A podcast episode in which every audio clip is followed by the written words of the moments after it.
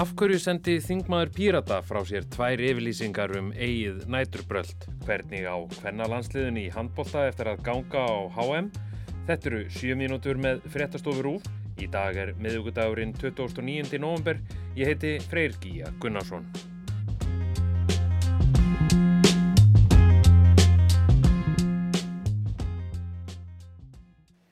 Arndís Anna Kristínadóttir Gunnarsdóttir þingmaður Pírata var fjarlægð af lauruglu á föstudaginn á skemmtistaðnum Kiki bar í miðborg Reykjavík. Aðtegli vakti um helgina þegar að dýraverðir á skemmtistaðnum Kiki kölluðu á lauruglu og fengu hana til að aðstofa sig við að fjarlæga alþingismannin Arndísi Önnu Kristínadóttir Gunnarsdóttir af staðnum. Í yfirlýsingu sem Arndís sendi frá sér síðdeis segir hún að hegðun hennar hafi ekki verið til fyrirmyndar. Höskuldur Kári Skram um, Artisanna, hún sendi frá sér tværi yfirlýsingar um þessa uppákomu á, á kíki í barnum. Um, í þeirri ferri sagði hún að framganga dýravarða hefði verið óþarlega harkaleg og, og niðurlegandi en í þeirri setni sagðist hún hafa verið dónaleg og streyst á móti. Hvað gerðist eiginlega þarna í millitíðinni?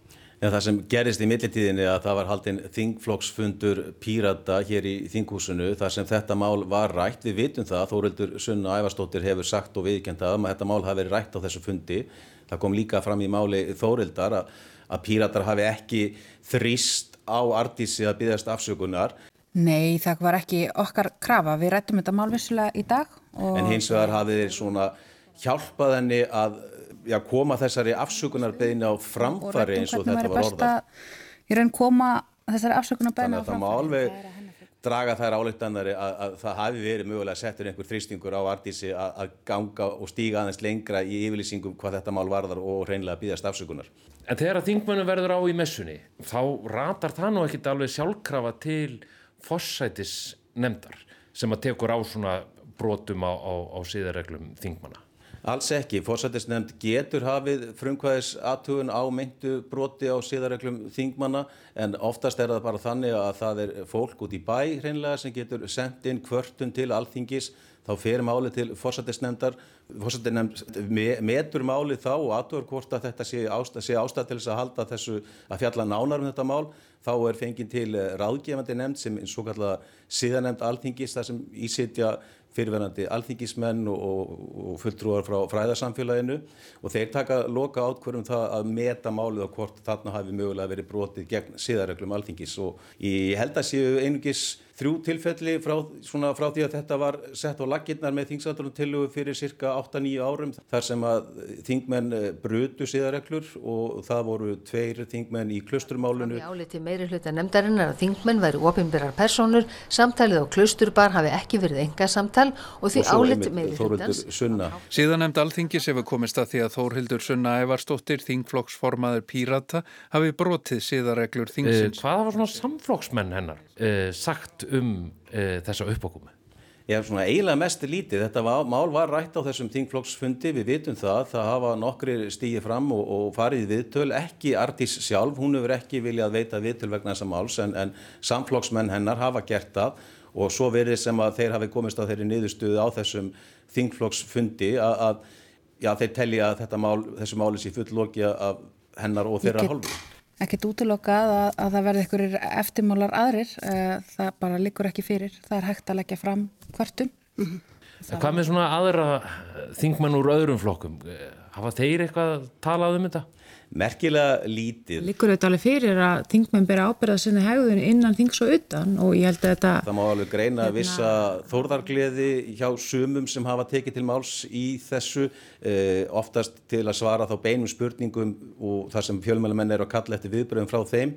Hildur Sverrisdóttir, þingflóksformaði sjálfstæðarsflokks var í Silfrinu á dögunum og hún sagaði svona pírata um tvískinung þegar píratar þar að segja væri oftast duglegir að stíga fram þegar aðrir þingmenn væru mögulega að brjóta siðareglur. Og þá verður nú að viðkennast að það hafa nú verið píratarnir sem eru kannski hvað svona fljótastir til að mæta með, með síðavöndin á, á, á lofti eh, En svo vilja þær ekki mæti í viðtöl en, og, og taka al, almenlega á því þegar þeir sjálfur eru sagaðar um það sama